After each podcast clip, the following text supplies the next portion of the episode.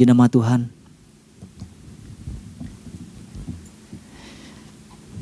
Shalom Bapak Ibu. Pagi hari ini kita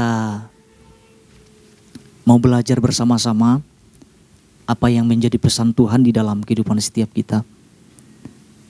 Pesan Tuhannya adalah pahami prinsip berhitung kerajaan sorga.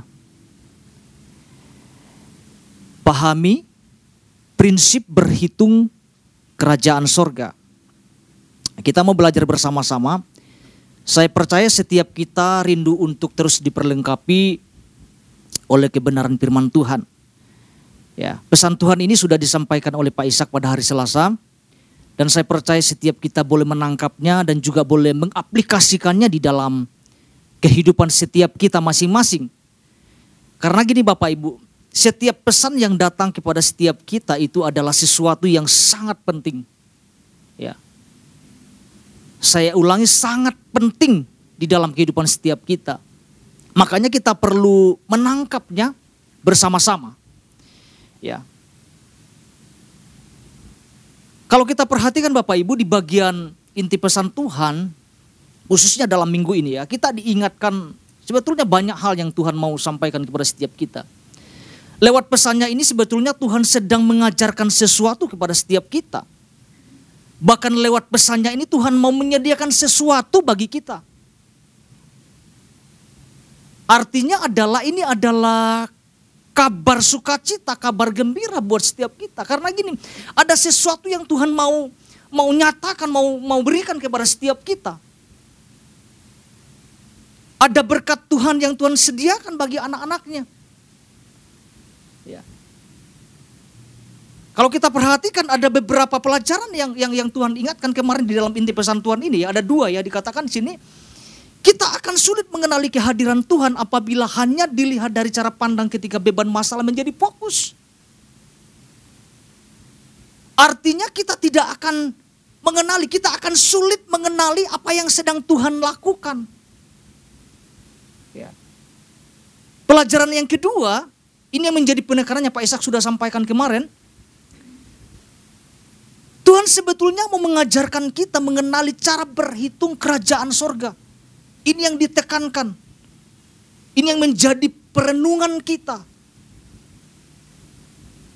Kita mau sama-sama tangkap Bapak Ibu. Ya. Mengenali cara berhitung kerajaan sorga. Mungkin kita bertanya seperti apa cara hitungnya. Cara berhitungnya seperti apa. Kalau Bapak Ibu ikuti YouTube kemarin ya. Ada banyak contoh yang disampaikan Pak Ishak untuk kita supaya kita bisa tangkap Saya coba mempelajari, mendengar ulang. Karena supaya jangan sampai salah kita tangkap kan gitu. Salah satu contohnya ya, nanti Bapak Ibu bisa lihat ya, tentang pasukan ketika pasukan Aram menyerang Nabi Elisa dan bujangnya. Bujangnya ketakutan karena tidak bisa melihat bahwa ada pasukan yang lebih besar yang menyertai mereka. Coba Bapak Ibu renungkan belajar ulang. Kita akan dibukakan banyak hal berkaitan pesan Tuhan dalam minggu ini ya. Ya, Pak Ishak sampaikan dua hal ya menjadi perenungan yang harus kita renungkan kemarin ya. Yang pertama itu belajar menyelaraskan prinsip kita dengan prinsip yang Tuhan lakukan. Yang kedua belajar memahami bahwa Tuhan lebih ingin memberkati kita dibanding kita sendiri. Itu kerinduan Tuhan loh Bapak Ibu. Jadi saya mendorong setiap kita untuk sama-sama merenungkan pesan Tuhan ini. Kita mau selaraskan prinsip kita dengan prinsip Tuhan.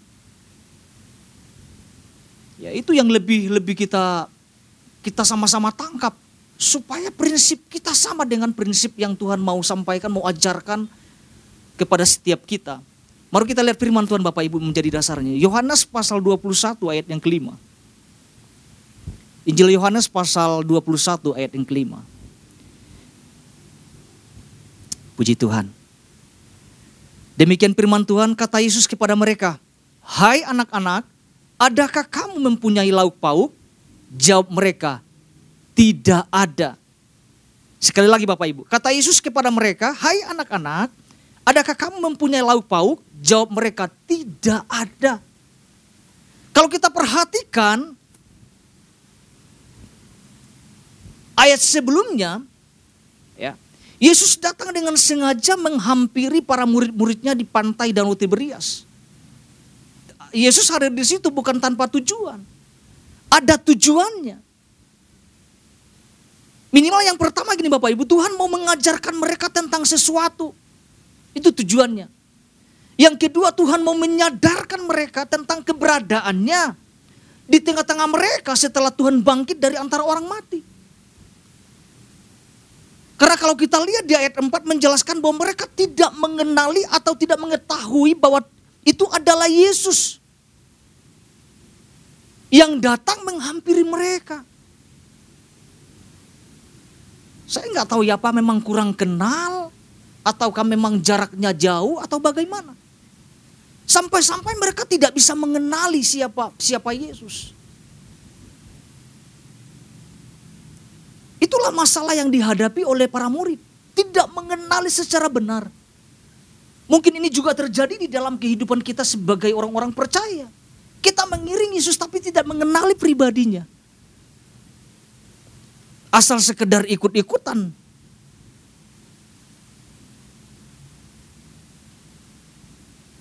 setidaknya kan bisa mengenal tentang suaranya.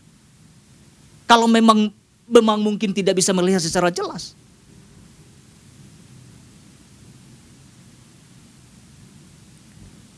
Kemudian kita lihat di ayat 5 Bapak Ibu. Di sini Yesus mencoba mencoba masuk menyapa dengan sebuah pertanyaan yang akrab. Dikatakan, "Hai anak-anak, Adakah kamu mempunyai lauk pauk? Jawab mereka tidak ada. Sapaan ini Bapak Ibu menunjukkan tentang pribadi Tuhan sebagai Bapak yang sangat baik. Bapak yang mengenal anak-anaknya.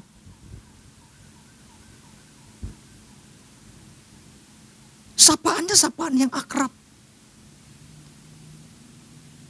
Sapaannya terhadap seperti seolah-olah ada seperti hubungan bapak dengan anak yang begitu dekat gitu.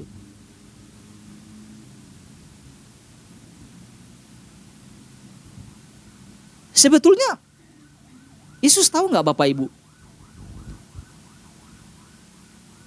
Bahwa tidak ada tangkapan apa-apa. Bahwa tidak ada hasil apa pun yang mereka yang mereka hasilkan pada saat itu. Tapi memang Tuhan sengaja Tuhan sengaja menanyakan tentang tersebut kepada mereka dengan sebuah pertanyaan yang karib, yang akrab.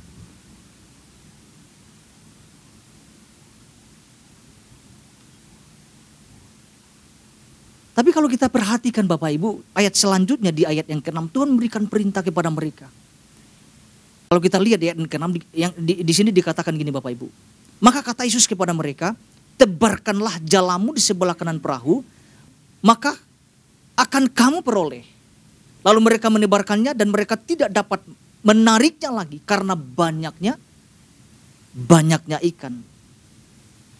Dan saya percaya Bapak Ibu, lewat peristiwa ini para murid mulai mulai terbuka matanya. Mulai mengenali siapa pribadi yang memberikan perintah tersebut kepada mereka. Bahwa itu adalah Tuhan bahwa itu adalah guru mereka yang sebelumnya mereka tidak tidak kenali. Kita bisa melihat di sini cara kerja Tuhan itu dahsyat banget Bapak Ibu.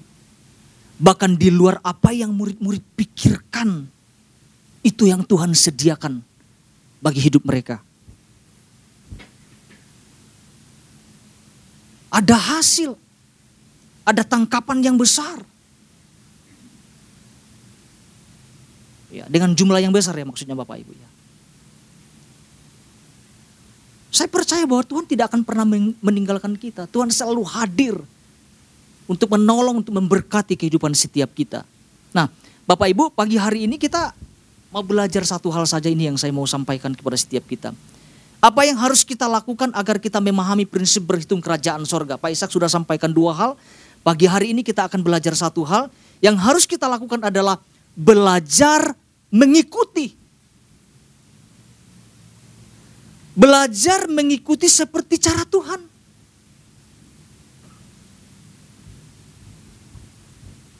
Ini yang dapat kita sama-sama pelajari. Salah satu kuncinya adalah belajar ikuti.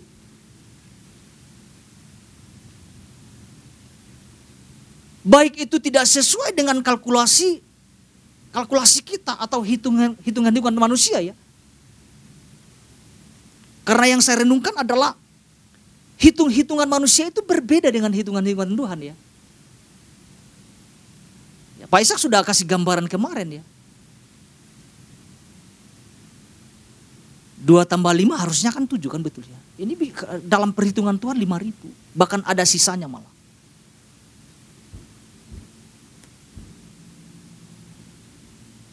Artinya kita tidak bisa memaksa Tuhan harus mengikuti kalkulasi kita. Kita tidak bisa memaksa Tuhan harus ikut hitungan-hitungan kita. Tuhan punya cara sendiri Bapak Ibu. Tuhan memiliki caranya sendiri. Kadang-kadang itu tidak masuk akal di dalam pikiran kita, pikiran manusia yang terbatas ini gitu ya.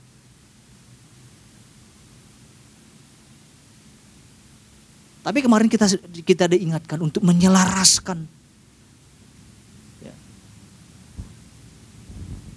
Contoh tentang mengikuti Bapak Ibu. Kita kita pernah belajar tentang kisah seorang pemuda yang banyak hartanya ya. Ketika Tuhan mengatakan jual hartamu, lalu bagi-bagikan, kemudian ikutlah aku. Apa yang terjadi? Matematikanya keluar. Mulai menghitung kalau saya jual, kalau saya bagi-bagikan untung saya apa?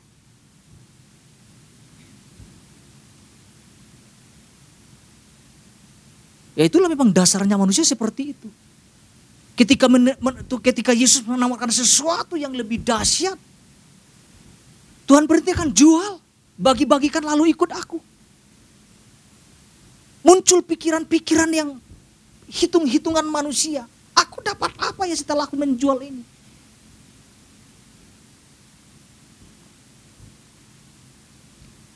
Kalau saya berikan semuanya kepada orang-orang mungkin di sekitar sekitar pemuda kaya ini, saya dapat apa? Saya melihat bahwa dia justru tidak mengikuti. Mulai membayangkan hasilnya gimana, jumlahnya bagaimana. Apa yang terjadi? Pemuda kaya ini meninggalkan Yesus. Saya mau sampaikan dia tidak dapat apa-apa. Karena dia tidak mendapati pribadi Yesus dalam hidupannya. Ya. Itu cara mewakili, maksudnya menggambarkan tentang kehidupan orang-orang pada umumnya. Memikirkan tentang hasil. Yang menurut dia, yang menguntungkan dirinya sendiri. Padahal Tuhan punya perhitungan yang berbeda.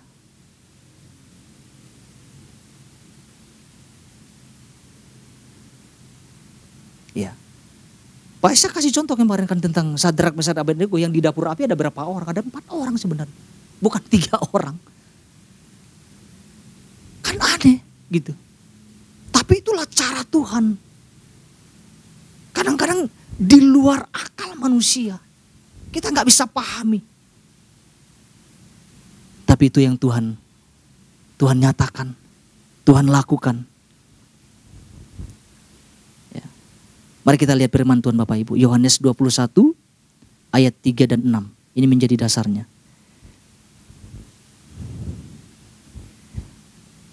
Yohanes pasal 21 ayat 3 dan 6. Puji Tuhan. Kita akan lihat sama-sama Bapak Ibu. Demikian firman Tuhan. Kata Simon Petrus kepada mereka, aku pergi menangkap ikan. Kata mereka kepadanya, kami pergi juga dengan engkau. Mereka berangkat lalu naik perahu, tetapi malam itu mereka tidak menangkap apa-apa. Ayat 6. Maka kata Yesus kepada mereka, tebarkanlah jalamu di sebelah kanan perahu. Maka akan kamu peroleh. Lalu mereka menebarkannya dan mereka tidak dap dapat menariknya lagi karena banyaknya banyaknya ikan. Kalau kita melihat ayat ini Bapak Ibu, bukankah sesuatu yang luar biasa yang Tuhan lakukan di sini? Yang tadinya tidak ada tangkapan apa pun, menjadi ada tangkapan. Saya percaya Bapak Ibu ini yang saya renungkan bahwa ada sukacita yang terbesar yang dialami oleh para murid-murid pada pada masa itu ya. Lewat apa? Lewat berkat penyediaan Tuhan. Yang mereka bisa alami dan bisa saksikan dengan mata mereka sendiri.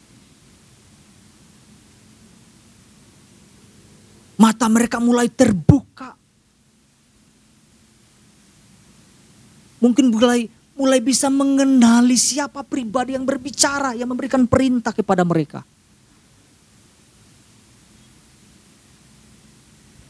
Kita bisa melihat di ayat tujuhnya. Apa yang dikatakan di ayat yang ketujuh Bapak Ibu?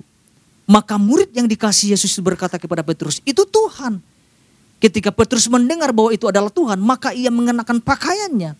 Sebab ia tidak berpakaian lalu terjun ke dalam danau. Ketika Petrus mendengar bahwa itu adalah adalah Tuhan lewat Yohanes, murid yang dikasihinya. Apa yang Petrus lakukan? Ia langsung terjun. Langsung terjun ke danau mendapati Yesus. Saya mau sampaikan gini Bapak Ibu, Yesus tidak tiba-tiba datang langsung memperkenalkan dirinya. Ini loh aku yang bangkit loh, ini loh.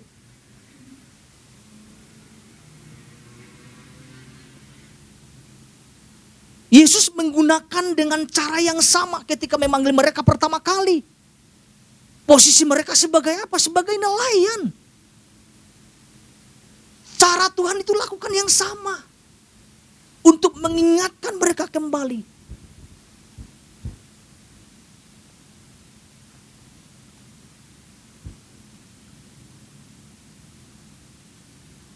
Ya dengan hati yang penuh sukacita Petrus langsung terjun loh Bapak Ibu. Dia disadarkan bahwa betapa dahsyat apa yang Yesus lakukan di mata mereka. Mereka menyaksikannya sendiri. Bayangkan Bapak Ibu seorang nelayan kalau nggak dapat hasil tangkapan, waduh bisa kecewa itu. Bisa kondisi hatinya itu bisa lemas dan lesuh. Tetapi cara Tuhan dahsyat sekali. Ya, kalau kita gambarkan laut yang sama, danau yang sama, kenapa tiba-tiba ada ikan? Itu cara Tuhan Bapak itu. Kadang-kadang di luar apa yang kita bayangkan, pikirkan, Tuhan bisa lakukan dengan dahsyat, dengan caranya sendiri. Jadi saya percaya Bapak Ibu ketika Tuhan memberikan pesan ini kepada setiap kita. Ada sesuatu yang Tuhan sediakan untuk kita semua. Ada berkat-berkat Tuhan yang mungkin kita yang mungkin kita tidak bisa pikirkan, tapi Tuhan sediakan kepada anak-anaknya. Asalkan kita percaya, asalkan kita mau mengikuti.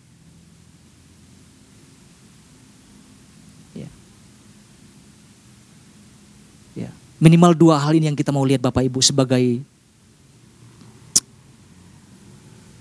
apa yang harus kita pelajari bersama-sama agar kita bisa mengikuti, mengikuti seperti cara Tuhan. Yang pertama, bagian A-nya gini Bapak Ibu. Harus tunduk terhadap perintah Tuhan. Itu kuncinya. Tunduk.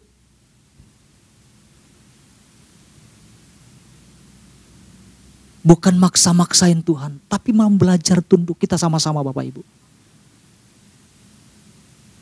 Karena gini Bapak Ibu, sikap yang tunduk terhadap perintah Tuhan akan memudahkan kita untuk menangkap setiap arahan Tuhan.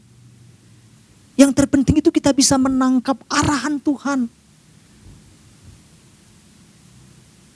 Setelah kita mengikuti, kita akan ada perintah selanjutnya apa ya Tuhan ya? Apa yang harus kulakukan? lakukan? Bisa melihat ada perintah, tebarkan jalamu. Yang harus dilakukan adalah mengikutinya, ikuti. Itu caranya. Bukan memberikan bantahan. Tuhan kan sudah, sudah. Kami sudah sepanjang hari, sepanjang sepanjang malam. Bekerja keras tapi tidak ada hasil apa pun. Tuhan bilang tebarkan jalamu. Perintahnya tidak sulit Bapak Ibu. Hanya mau tunduk. Hanya tunduk mau belajar. Iya, saya mau Tuhan, saya mau belajar.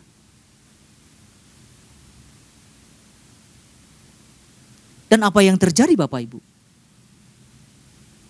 Ada berkat ya. Kita bisa lihat di sini di ayat ini ada berkat Tuhan. Ya mungkin seharian mencari ikan, semalam-malaman mencari ikan, dapat satu itu menghibur. Ini jumlah yang banyak Bapak Ibu. Itu di luar akal manusia.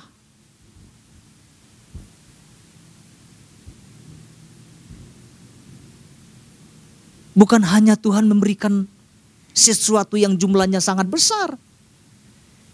Yesus pun menyediakan sesuatu ketika mereka tiba di pantai.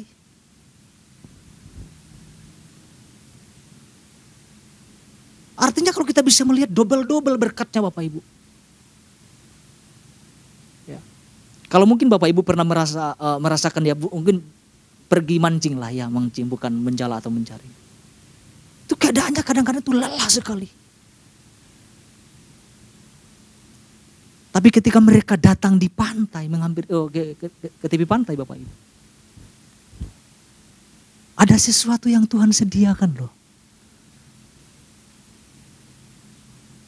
Itu cara Tuhan.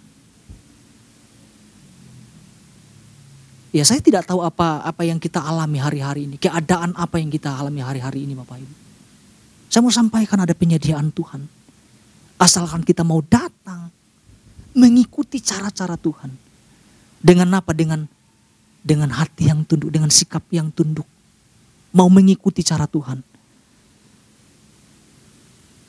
Ada banyak cara Bapak Ibu. Tapi kita dari ayat ini kita bisa melihat kita mau belajar tunduk. Seperti apa yang dilakukan oleh para murid-muridnya. Mereka mau juga belajar tunduk kepada perintah Tuhan. Itu bagian A-nya. Bagian B yang harus kita pelajari bersama-sama agar kita bisa mengikuti seperti cara Tuhan Mari belajar bersepakat dengan Tuhan sekalipun sulit untuk memahaminya.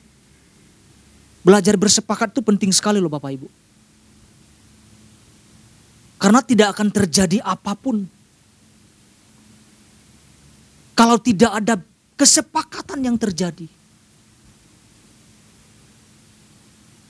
Tidak, tidak akan ada hasil apa pun.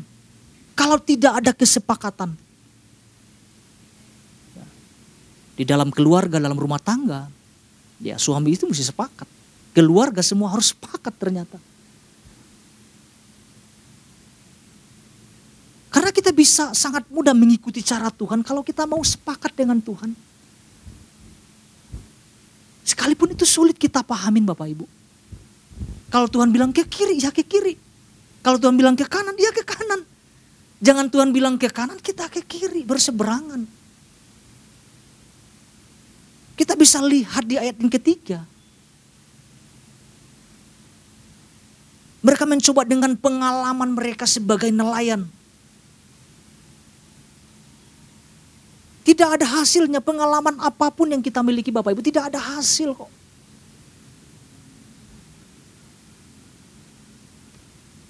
Namun ketika kita bersepakat kalau kita lihat di ayat ke-6. Ada hasil yang sangat luar biasa yang Tuhan kerjakan di tengah-tengah umatnya. Ya, artinya kita mau sama-sama belajar Bapak Ibu. Kita mau bersepakat dengan Tuhan, aku mau bersepakat. Kalau Tuhan bilang B, saya B. Ya. Sekalipun itu di luar apa yang kita pikirkan Bapak Ibu. Karena kita seperti contoh pemuda kaya, banyak pikiran yang muncul. Ketika Tuhan bilang ikut aku, mikir jumlah, bikin hasil, mikir hasil. Perintahnya cuma ikut aku, jual semua ikut aku. Itu semudah itu. Pada waktu kita bersikeras mempertahankan hitungan-hitungan kita. Gak akan klop, gak akan bisa berjalan bersama-sama. Kita bisa melihat kuncinya kesepakatan. Murid-murid juga sepakat. Apa yang Tuhan perintahkan, apa yang Yesus perintahkan, mereka ikutin aja. Dan kita bisa melihat hasilnya.